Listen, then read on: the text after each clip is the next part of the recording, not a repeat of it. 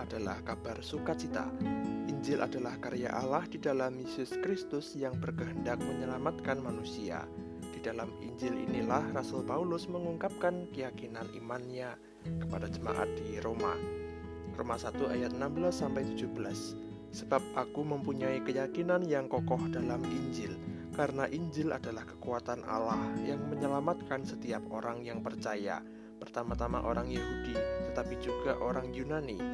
Sebab di dalamnya nyata kebenaran Allah yang bertolak dari iman dan memimpin kepada iman, seperti ada tertulis, orang benar akan hidup oleh iman. Rasul Paulus mengutarakan keyakinannya bahwa Injil, karya penyelamatan Allah di dalam Yesus Kristus, adalah kekuatan Allah untuk menyelamatkan setiap orang yang percaya. Orang yang percaya di dalam Injil Kristus mendapatkan kekuatan dan keselamatan dari Allah. Keyakinan ini disebut Rasul Paulus sebagai keyakinan yang kokoh, yang tidak goyah dan kuat, Keyakinan dalam Injil menyelamatkan orang-orang percaya, pertama-tama orang Yahudi tetapi juga orang Yunani. Maksudnya secara konteks memang nampaknya Yesus Kristus dan Injil Allah dinyatakan di antara orang-orang Yahudi. Namun mengingat bahwa dunia perjanjian baru sesungguhnya adalah dunia yang majemuk dan tidak eksklusif, maka Yesus Kristus dan Injil Allah juga dengan segera dinyatakan dan didengarkan oleh orang-orang bukan Yahudi. Rasul Paulus memahami persis situasi ini.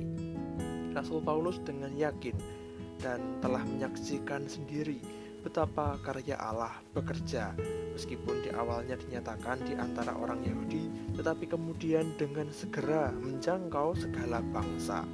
Di dalam Injil ada kekuatan Allah karena Allah menyatakan kebenarannya di dalam Injil. Kebenaran ini adalah kehendak Allah yang mana kuasa Allah sedang bekerja. Keyakinan iman di dalam Injil membuat orang-orang percaya beroleh keselamatan dan juga beroleh kekuatan dari Allah. Itulah yang meneguhkan keyakinan orang-orang percaya di dalam Injil Kristus. Orang-orang Kristen berpegang pada Injil Kristus seumur hidupnya Injil itu tidak hanya dihidupi bagi diri sendiri yang adalah dimensi pemeliharaan iman. Injil itu juga dinyatakan kepada segala bangsa yang adalah pekabaran dan pewartaan Injil.